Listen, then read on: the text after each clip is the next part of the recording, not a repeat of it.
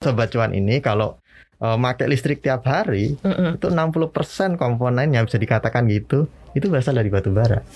Tetap Iya, isunya batu bara seolah-olah energi fosil yang memang uh, tidak terlalu ramah lingkungan. Kita attach dengan setiap ton batu bara ini mengandung value sustainability dari dunia ini yaitu energi terbarukan.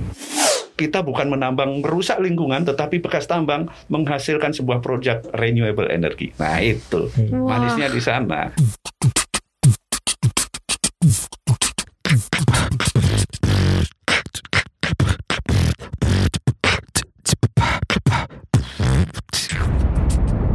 Cuap-cuap cuan. Halo Sobat Cuan, selamat datang di podcast Cuap Cuap Cuan Uh, hari ini Halo. spesial banget karena Ya lihat dong di samping saya Pasti Sobat Cuan yang juga mendengarkan lewat Spotify Saya nggak sendirian, coba suaranya coba dites Saya Argun. Saya bersama dengan Arif Gunawan, Head of Research CNBC Indonesia Spesial sekali hari ini podcast kita Mas Argun Karena Ya. apa? Karena ini juga nanti akan ditayangkan di Youtube Jadi Sobat Cuan harus eh, subscribe juga di. Youtube channel kita di Cuap Cuap Cuan pastinya ya Iya. Kenapa spesial? Karena gini, ini berangkat dari banyak banget nih para Hmm. sobat cuan kan yang jadi eh, angkatan investor kolonials kan. Hmm. Mereka masuk ketika lagi market tuh memang lagi bagus-bagusnya lagi turun parah. Ya. Tetapi mereka ini biasanya yang mudah terbawa arus gitu loh. Jadi pilihan-pilihan sahamnya eh, kadang-kadang ya mereka nggak tahu ini Asal tuh ngikut ya. asal ngikut. Mereka tuh nggak tahu ini sahamnya apa, bergeraknya di bidang apa, industrinya kayak gimana mereka nggak tahu. Nah, Jadi kalau misalnya Iya. ada influencer nih pom-pom ikut masuk, pom-pom keluar dia juga keluar gitu. Padahal sebenarnya potensi dari emitennya tuh sebenarnya bagus Iya. gitu. Nah, menjawab dari kebutuhan itu makanya emitennya kita bawa aja ke sini buat ajak Wajib ngobrol gitu. langsung ya. Ini dia udah ada di Warren Buffett. Oke, apa Value investing, investasi iya. berdasarkan fundamental. Iya, harus berdasarkan fundamental dan ini harus tahu nggak sih sebenarnya Betul. sobat cuan Harus. Harus tahu kan. Nah, makanya sobat cuan langsung aja dia di hari ini begitu ya Maria Katarina dan juga Arif Gunawan akan ngobrol langsung bersama dengan salah satu emiten tambang batu bara di Indonesia. Anda juga pasti harus tahu begitu ya karena memang secara performa eh, tahun lalu ini juga kalau misalnya diakumulasikan sampai dengan saat ini sih sebenarnya sangat-sangat lumayan membawa cuan sebenarnya untuk para sobat cuan ya. Sudah hadir di sini ada Bos PTBA Direktur Utama PTBA Suryo Eko Hadianto. Halo Pak Suryo. Halo juga. Mau disapa dulu nggak sobat cuannya? Oke, halo cuan-cuan semuanya. Cuan-cuan Kita Cuaner ya. ya. Cuaners nih langsung Eh, cuaner ya. Cuaners, cuan Eh, sobat cuan. cuaners. Malah disebutnya kolonial tadi kan? kolonial, Pak. kolonial. Karena mereka eh, luar biasa sebenarnya justru malah ketika masa eh, IHSG lagi turun-turunnya nih mereka malah justru menjadi Bergairah. investor Iya, di iya, pasar iya. modal. Inilah calon calon-calon orang hebat ke depan ini. Amin. Amin. Kayak gue juga ya mas. Pak, Pak Surya terima kasih ya sudah hadir di studio kita di podcast cuap cuap cuan. Tapi sehat-sehat Pak. Sehat. Alhamdulillah Eh, puji sehat ya, Tuhan Pak. sehat. Puji Tuhan sehat. Eh, pertambangan juga sehat Pak. Kondisinya sehat. Ini seluruh Sehat ya, Pak? pertambangan lagi bagus-bagusnya ini. iya.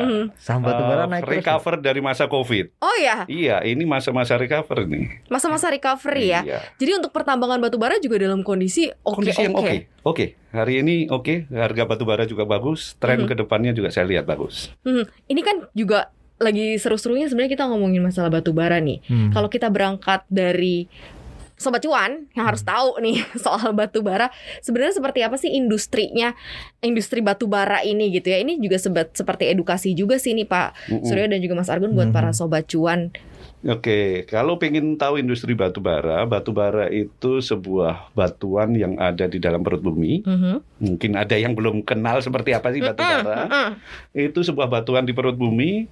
Eh, dia punya kandungan kalori yang cukup bagus dan ini dimanfaatkan untuk dibakar Mhm. untuk men- membuat listrik. Mhm. Itu yang paling besar ada di sana. Itu satu. Yang kedua, batu bara ini juga ada dibuat untuk mengikat fero.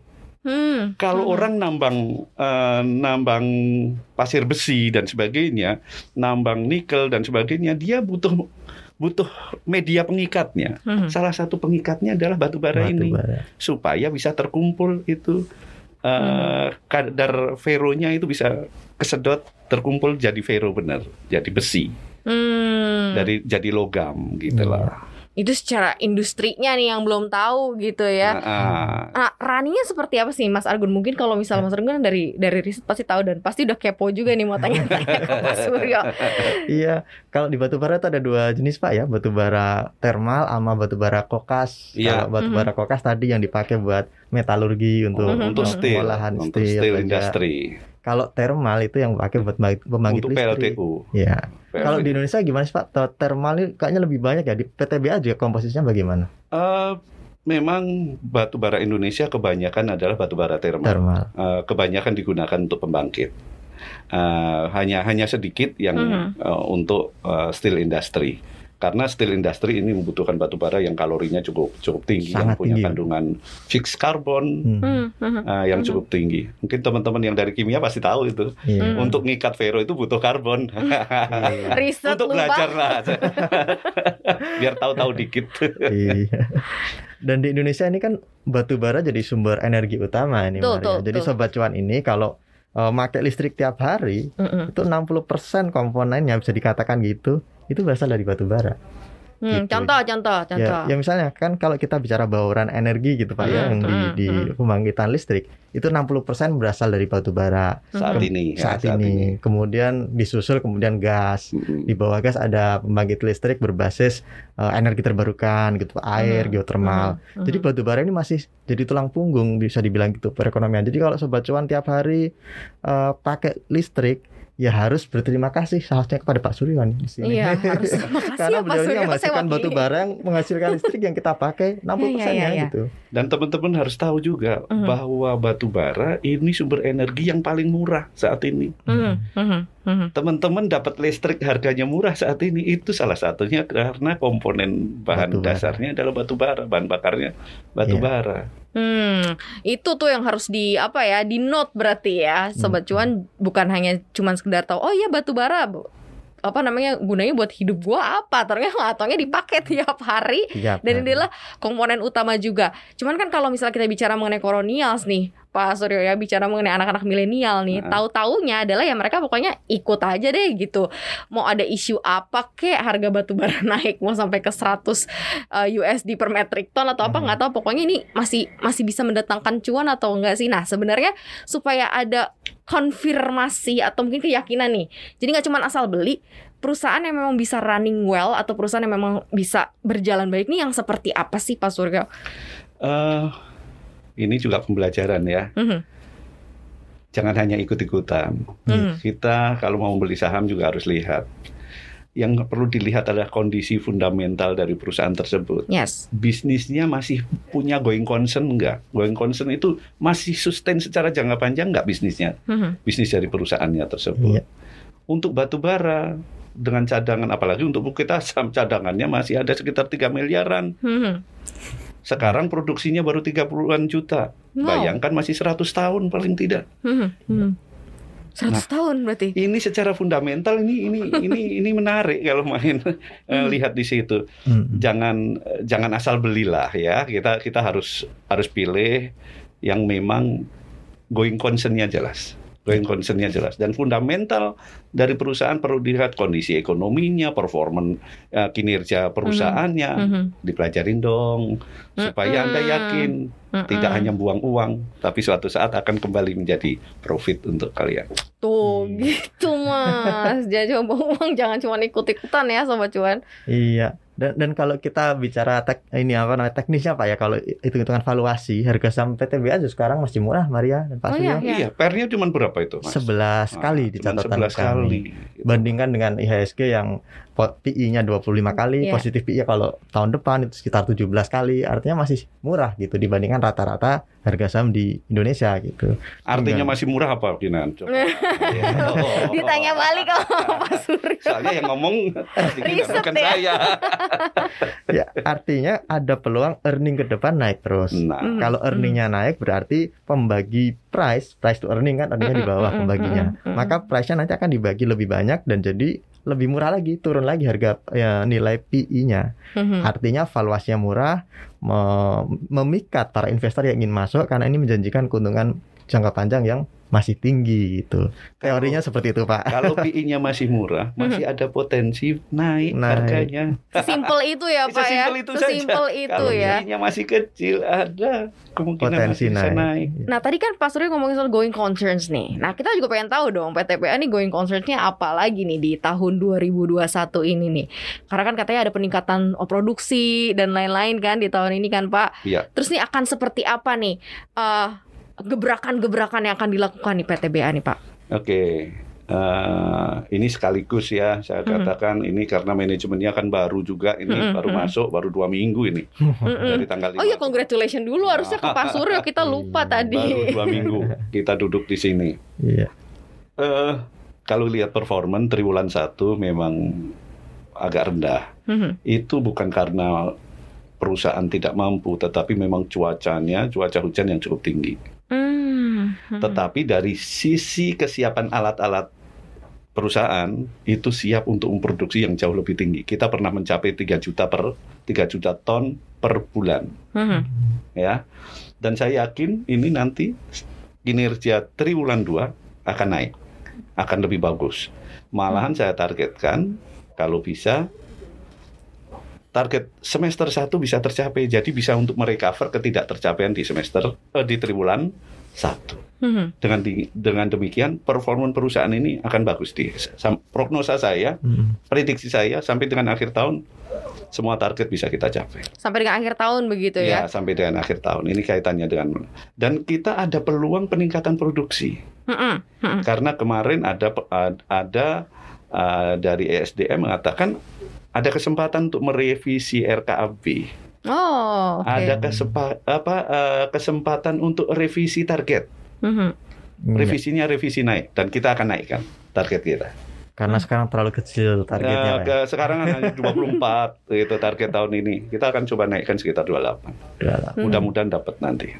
Nah, plan-plan ini tuh nanti akan seperti apa sih ber apa ya eh tercerminnya gitu ya di kinerja secara keseluruhan. Nah, Mas Argun mungkin bisa tambahan, Pak Suryo juga mungkin bisa ikut ya. Artinya sobat cuan tuh, oh ketika ada kabar kayak gini, oh produksi gua eh, produksinya naik, oh nanti akan concern gini, ini akan apa nih nanti eh, side effect-nya nih? Dari sisi dengan produksi naik, Mhm. yang jelas volume penjualan pasti naik Ya. ya dengan volume penjualan akan naik apa yang terjadi Eh, revenue juga akan naik Hmm. apalagi ini didongkrak dengan harga yang membaik Mhm. Ya. Sudah dari sisi volume naik harganya Harganya. naik dan ini sebuah perkalian Iya.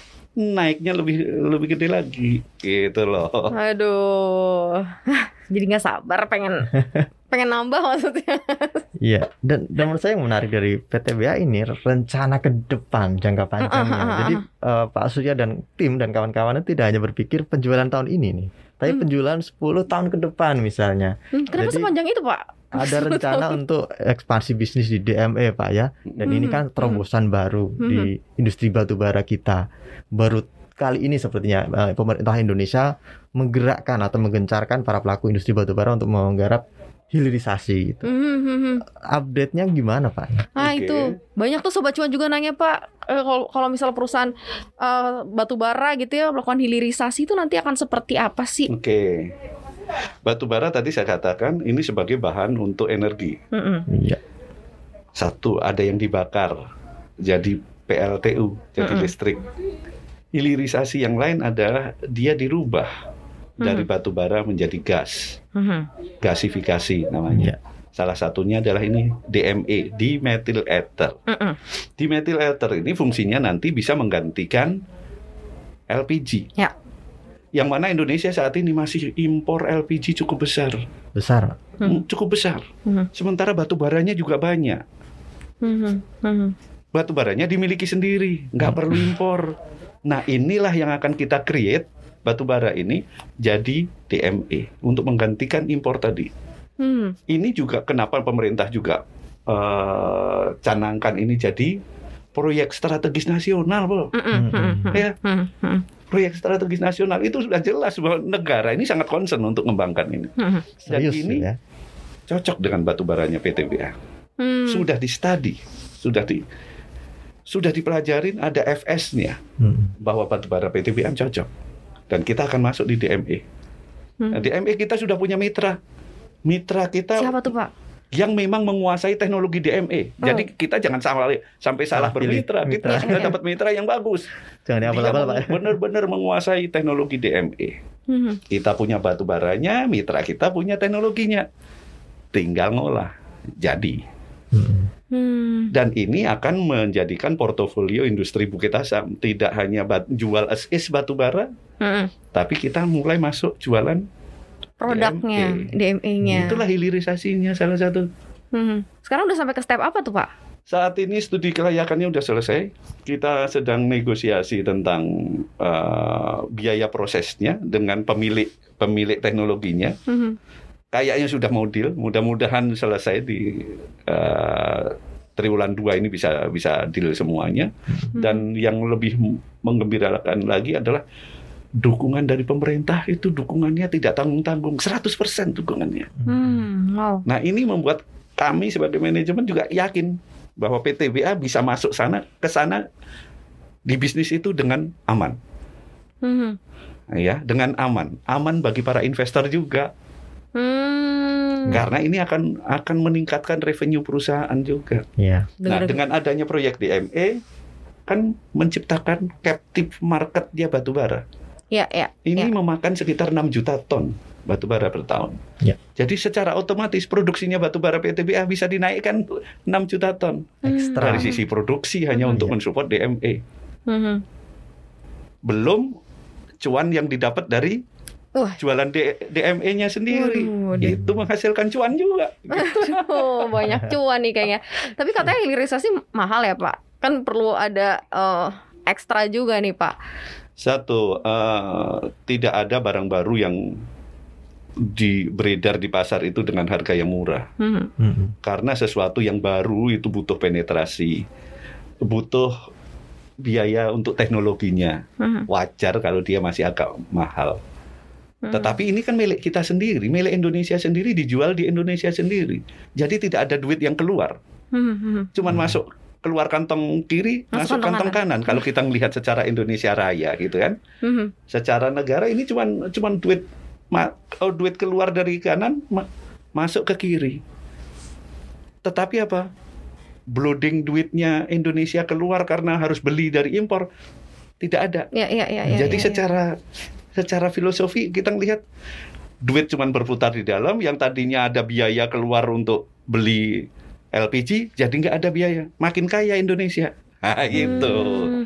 Berarti kita bisa beli eh, apa namanya hasil gas dari batu bara dong next nanti PT Ah, yang jual. nanti bisa beli Nanti. DME kayak tabung DME mudah-mudahan gitu itu Asik gitu Jadi kan. LPG buatan dalam negeri ya. dalam Iya, LPG buatan dalam sejenis negeri. kayak LPG tetapi ini beda barangnya Ya, manfaatnya sama. sama, Mhm. Wah, tapi dibuat dalam negeri dibikin dari batu bara gitu Dan efeknya emang berantainya bagus banyak Mm-mm, sekali. mm-mm. Jadi tadi eh, PTBA nanti akan mengurangi risiko fluktuasi Ya, harga. ya. betul Iya Pak ya. ya kalau PTBA hanya bermain nambang saja Hmm, maka terjadi fluktuasi harga batu bara langsung terdampak hmm, hmm.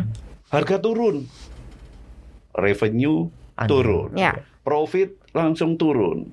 Padahal yang menentukan harganya bukan PTBA, yang menentukan market kan ya? gitu kan. Iya. Maka kita mesti masuk ke hilir Iya.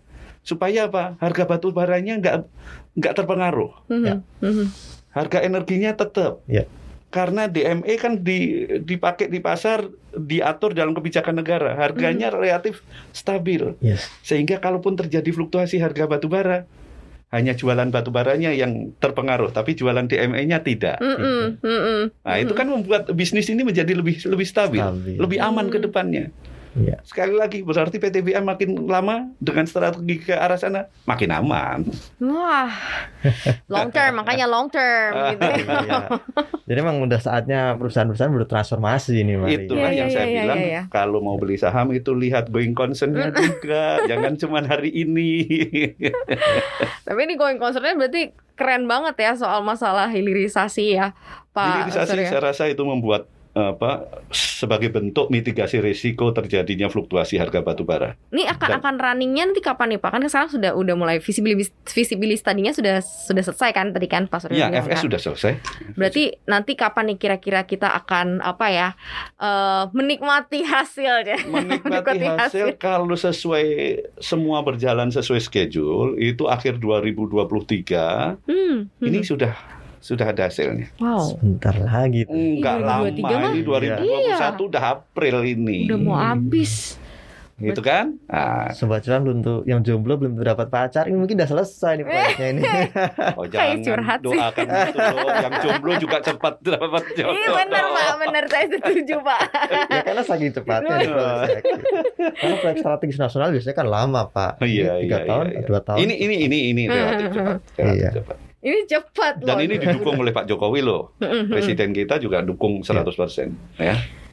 Gimana Pak menghadapi kan sekarang kan menghadapi soal situasional kayak green energy lah gitu. Oke. Batu bara mau sunset lah, terus katanya ada yang bilang, "Ah, aku pernah baca-baca juga nih Mas itu buku yang lokasi itu R- RUN, Rencana Umum Energi Nasional, Nasional. nanti eh, menuju apa namanya? eh, energi baru terbarukan 2025-2050 sudah tidak menggunakan lagi batu bara. Nah, kayak gimana sih Pak nih menghadapi situasi yang kayak Saya gitu? Pak? rasa isu itu perlu diluruskan. Itu yang Mhm. pertama bahwa apa ya? eh, bahwasannya tidak ada di dalam negeri ini rencana untuk tidak pakai batu bara nggak ada. Hmm. Tetap ada bauran energi. Ya. Eh, batu bara tetap dibutuhkan karena apa? Tadi kan di awal saya bilang bahwa energi saat ini yang paling murah itu batu bara. Hmm, hmm. negara masih butuh energi murah. Mau teman-teman bayar listriknya dinaikkan dua Mahal. kali lipat. Baru ada dengar tarif listrik naik Nah, aja kalau langsung. masih pengen dapat eh, apa eh, listrik yang murah, Ya. ya batu baranya masih tetap harus dibakar di dalam Mhm. negeri. Dan ini adalah kemandirian energi bangsa kita. Lah kalau pakai LPG kayaknya bersih tapi ngambilnya belinya dari luar. Hmm, Satu. hmm. Kalau mau teknologi energi baru terbarukan teknologi biayanya itu masih mahal sampai dengan saat ini masih mahal. Tetapi kita memang mengarah ke sana. Kita mau tidak mau kita juga harus peduli terhadap lingkungan kita, Betul. peduli terhadap uh, sustainability dunia yang kita tempatin ini supaya masih be- punya kesinambungan jangka uh, panjang kita bisa hidup dengan tenang. Hmm. PTPA juga akan masuk ke sana. Oh, udah Kita- Pak. Kita akan masuk Green ke energy ya, Pak? renewable energy. Hah? karena apa? Saya udah melihat bekas tambang itu ribuan hektar loh, Hmm, hmm. ribuan hektar.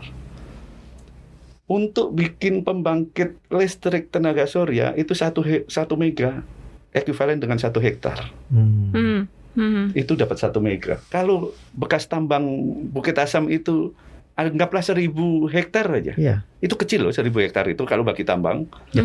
Nah, ya kecil. Kita punya 99 ribu. Hmm. Kalau seribu saja itu satu mega. Eh, satu hektar itu satu mega. Seribu udah seribu mega. Iya. Hmm. Hmm. Hmm. Begitu lima ribu hektar lima mega. Oh, li, uh, 5000 mega. 5000 mega, Pak. Iya. Bayangkan yeah. 5000 mega.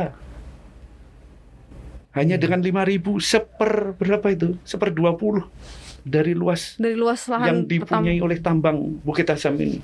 Maka kami arahkan nanti kita juga akan masuk ke sana dengan hmm. memanfaatkan lahan-lahan bekas tambang ini. Hmm. hmm. Sehingga bekas tambang kita bukan menambang merusak lingkungan, tetapi bekas tambang menghasilkan sebuah proyek renewable energy. Nah itu Hmm. manisnya di sana. Manisnya di sana Manisnya gitu di sana. loh. Dan Mas bukan manisnya di sini, Mas. di situ juga manis. Kasih loh, Pak. nah, berarti nanti akan akan masuk dan melangkah juga ke green energy berarti Iya, ya, Pak ya. eh, dari roadmap kita kita memang mengarah ke sana dengan memanfaatkan potensi ataupun kekuatan perusahaan. Salah satunya adalah kekuatan perusahaan dari sisi pendanaan kita punya. Mhm, Eh, ini pendanaan PTBA cukup kuat. Mhm. Yang kedua juga kita punya modal lahan yang cukup cukup luas. Mhm. Jadi tidak perlu beli lahan lagi. Mhm, Nah, Itulah kekuatan-kekuatan kita untuk masuk renewable energy. mhm. Hmm. Dan ke depan tentang isu batu bara kan batu bara nggak bisa saya rubah menjadi energi baru terbarukan. Ya, Tetap ya, isunya batu bara seolah-olah energi fosil yang memang eh, tidak terlalu ramah lingkungan, kita attach dengan setiap ton batu bara ini mengandung value sustainability dari dunia ini yaitu energi terbarukan. Mhm. Itu yang akan kita tempelkan di value dari batu baranya itu Iya. sendiri. Jadi kalau itu nanti berhasil kita tempelkan, kita attachkan sebagai value dari batu bara ini, mungkin kalau orang lain jualan batu bara harganya 100, PTBA karena mengattachkan value Nilai tambahnya. ada nilai tambahnya Hmm, bisa hmm. 110 bisa 125 itu nilai lebihnya yang ke depan Iya. Daya saing Bukit Asam tetap akan akan kita jaga dengan cara seperti itu Mhm. batu baranya sih tetap jadi batu bara Bisa jadi batu bara green coal gitu tidak ya. juga batu bara green itu terus batu baranya jadi bersih enggak ya Iya. batu baranya tetap itu tetapi value yang ada di dalamnya Iya. bahwa Impact yang setiap ton dibikin. itu ada tanggung jawab. Menjaga sustainability dari dunia ini, Ya. sustainability lingkungan dengan membuat energi baru terbarukan itu yang akan kita attach. Mhm. Itu teman-teman supaya jualan batu bara tapi batu bara yang value-nya itu adalah meng-create dunia yang lebih baik. Mantap. batu bara berkelanjutan gitu Eh, Pak ya mungkin. berkelanjutan. Iya. Heeh. kan lu belajar juga masih soal Iya. kayak gini-ginian mas. Jadi ini konsepnya itu berarti net zero emission. PTBA mau bikin net zero emission. Betul. Mhm. Kita pengen Ya. menuju ke sana. Eh, makanya kita juga pengen melangkah. Saat ini PTBA juga dibantu oleh konsultan yang cukup besar, cukup Gol- global Pak ya. ternama, Mhm. itu BCG, Hmm. Hmm. mendampingi kita untuk menyusun roadmap PTBA. Serius berarti ini Mariani. Ini serius, ini ini serius. eh, biayanya juga mahal. Kalau konsultan dunia kan bayarannya juga nggak Iya. ecek-ecek, tapi studinya juga nggak ecek-ecek. Bener-bener Executable. dan pasti bisa kita eksekusi nantinya. Jangan sampai cuma studi hanya Selesai untuk hilang. studi, Iya. studi untuk eksekusi. Mhm. Jadi bagi saya yang penting adalah kita mengeksekusi sesuatu yang memang benar. Jangan sampai salah langkah dan kita cepat eksekusinya Iya. gitu loh. Hmm. Jadi mungkin sobat cuan juga harus paham ya Pak. Kalau eh, ada dua konsep nih ya eh, soal eh, ramah lingkungan gitu Pak ya. Ada zero carbon, ada netral karbon. Iya. Mhm. Nah kalau zero carbon berarti nggak memproduksi karbon sama sekali. Artinya nggak boleh produksi minyak, gas, Yes. batu bara itu nggak Yes. mungkin. Nggak. Bahkan di negara maju masih masih me- memproduksi energi fosil. Mhm. Tapi kalau karbon netral, ya Karbon berarti netral. Masih ada batu bara dan kawan-kawan energi fosil, tetapi diimbangi dengan kegiatan-kegiatan yang bisa menyerap mereduce, Mereduce, mereduce iya. emisi karbon. gitu. Jadi karbonnya jadi nol istilahnya karena diserap bisa direboisasi Mhm. atau kemudian juga dalam bentuk pengembangan energi terbarukan, Energi sawit, biodiesel misalnya. Hmm. Atau penanaman-penanaman pohon yang memang dia mampu menyerap emisi karbon. Iya. Oh, bu ada implementasi lain begitu ya di tengah kondisi bahwa oh ini fosil gitu tidak ramah lingkungan bahwa ternyata bisa diimplementasikan untuk hal-hal yang lain ya pak ya. Betul. Jadi gini, untuk kita tahu persis bahwa batu bara itu merupakan fosil yang kurang ramah lingkungan. Mhm. Tapi teknologi untuk mereduce karbon, untuk mereduce maju. emisi karbon, itu juga berkembang seirama dengan itu. Mhm. Nah, seperti halnya PLTU. PLTU sekarang udah berkembang dari PLTU Yang kotor. gitu. pulverized biasa, kotor, Iya. sekarang udah masuk ke eh, teknologi kritikal, Mhm. malahan sekarang sudah masuk ke teknologi super kritikal. Ada Hmm. ultra pak, Ada juga sekarang udah beberapa sudah menggunakan ultra, super Super Critical. ultra super kritikal. critical. Oke. Itu sobat itu bingung teknologi yang Kak. di sana ya eh, dan sudah ketemu teknologinya diattachkan di dalam sebuah pembangkit PLTU sedemikian rupa sehingga emisinya jadi kecil sekali. sangat kecil. Sangat kecil. Dan di dalam dunia teknologi ya, kalau sudah ketemu ketemu caranya, tinggal mengakselerasi atau mengoptimalkan eh, efektivitasnya itu relatif cepat sekali eksponensial. Mhm. Dari belum ada ke ketemu itu biasanya yang agak Lama. lama. Iya. Tapi begitu sudah ketemu hanya untuk meningkatkan efektivitasnya itu cepat banget. Seperti komputer ingat tahun 80-an komputer Mhm. segede apa? Mhm. Tapi begitu sudah ketemu teori tentang apa teknologi tentang komputer, Ini sekarang jadi Jadi tipis-tipis ya, Pak. tipis-tipis, cuman kecil gini ditempel di orang sudah bisa, Iya. ditempel di binatang sudah bisa jalan. Dulunya kebayang atau enggak? Satu lemari dulu pak. Nah, Motor itu. Iya. Iya, satu bener, gedung, bener, bener. satu gedung Oh, satu gedung malah. yang namanya komputer tuh dulu eh, satu gedung logic controlnya itu punch card Pakai namanya punch card ya. kartu plong, Kartu plong. itu, kartu plong. itu satu gedung itu Hmm. gila Oh. kan sekarang boro-boro di tenteng itu kadang orang nggak tahu kalau kita sudah bawa Komputer. eh, komputer gadget kita aja udah jadi komputer gitu Benar, benar. Berarti teknologi itu pun juga yang akan, itu akan berkembang. akan Jadi jangan berkembang. khawatir bahwa batu bara nanti tidak akan laku dan sebagainya. Enggak. Iya. Saya Mhm. sangat yakin karena diimbangi dengan adanya teknologi itu. Oke. Pak Suryo, eh, di mungkin di mata Bapak atau di pikiran Bapak gitu ya, PTBA 10 tahun lagi atau mungkin 20 tahun lagi nanti akan seperti apa sih Pak atau batu bara gitu ya? Seperti apa sih nantinya? Kalau bicara tentang PTBA 10 tahun lagi, yang jelas PTBA akan bertransformasi dari perusahaan bisnis. Mhm. Oh, dari perusahaan apa? Perusahaan tambang, Tambang batu batubara bara, masuk kepada perusahaan energi. energi. Setelah masuk perusahaan energi, kita akan melangkah lagi menjadi energi dan chemical. Hmm. Hmm. Karena batu bara ini bisa diolah menjadi eh, bahan Petrokimia. uh, petrokimia, Hmm. polipropilin dan sebagainya bisa Iya. dikembangkan. Dan kalau itu sudah, itu berbagai uh, produk yang berangkat dari polipropilin ini macam-macam Hmm. nanti ya. Nah, arahnya ke sana. 10 tahun ini kita akan masuk ke dari tambang ke energi. Mhm. Jadi masuknya tambang ke energi, tetapi energi yang makin ramah lingkungan karena kami akan energinya pun seba- eh, sebagian akan masuk si energi baru terbarukan seperti PLTS dan sebagainya. Mhm. Biofuel kita akan masuk, kita punya anak perusahaan yang bergerak dalam bidang perkebunan sawit, kita akan olah itu menjadi biofuel juga. Ya. Jadi dari situ akan terlihat terjadi portofolio pendapatan kita. Hmm. Mhm. Tidak hanya batu bara, tetapi ada pendapatan dari jualan energi Hmm. energi yang biasa sampai energi yang baru dan terbarukan. Ya. Nah, itu portofolionya. Kalau mau lihat ke depan PTBA mau seperti apa? Komplit. Komplit. Komplit sih. Paket komplit. Dan itu dipakai untuk apa? Untuk memitigasi resiko terjadinya fluktuasi harga Yes, yes. batu bara dunia. Mhm.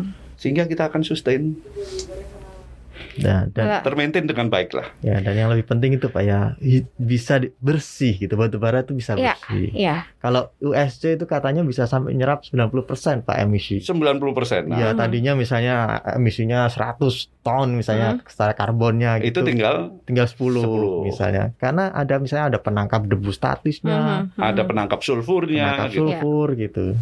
Dan itu bisa di bisa dijalankan gitu. Gak Jadi- sabar lah ngelihat nanti akan seperti apa runningnya PTBA yang jelas kita sih siap diundang Pak kalau misalnya nanti main-main ke kantornya Pak Suryo ya. Sobat Buat- cuan mungkin enggak. Ah, ah, iya ya. Dan saya terima kasih kantor. ini udah boleh eh, boleh diundang dan ketemu sama para kolonial. Eh, pastinya. Saya yakin dengan kinerja teman-teman eh, kolonial, bro, teman-teman semuanya percaya deh sama Bukit Asam. Oh. Nggak akan salah lo pilih Bukit Asam. Ini Iya. itu udah paling mantap. nih ya. Itu jadi ending kita ya. langsung ya.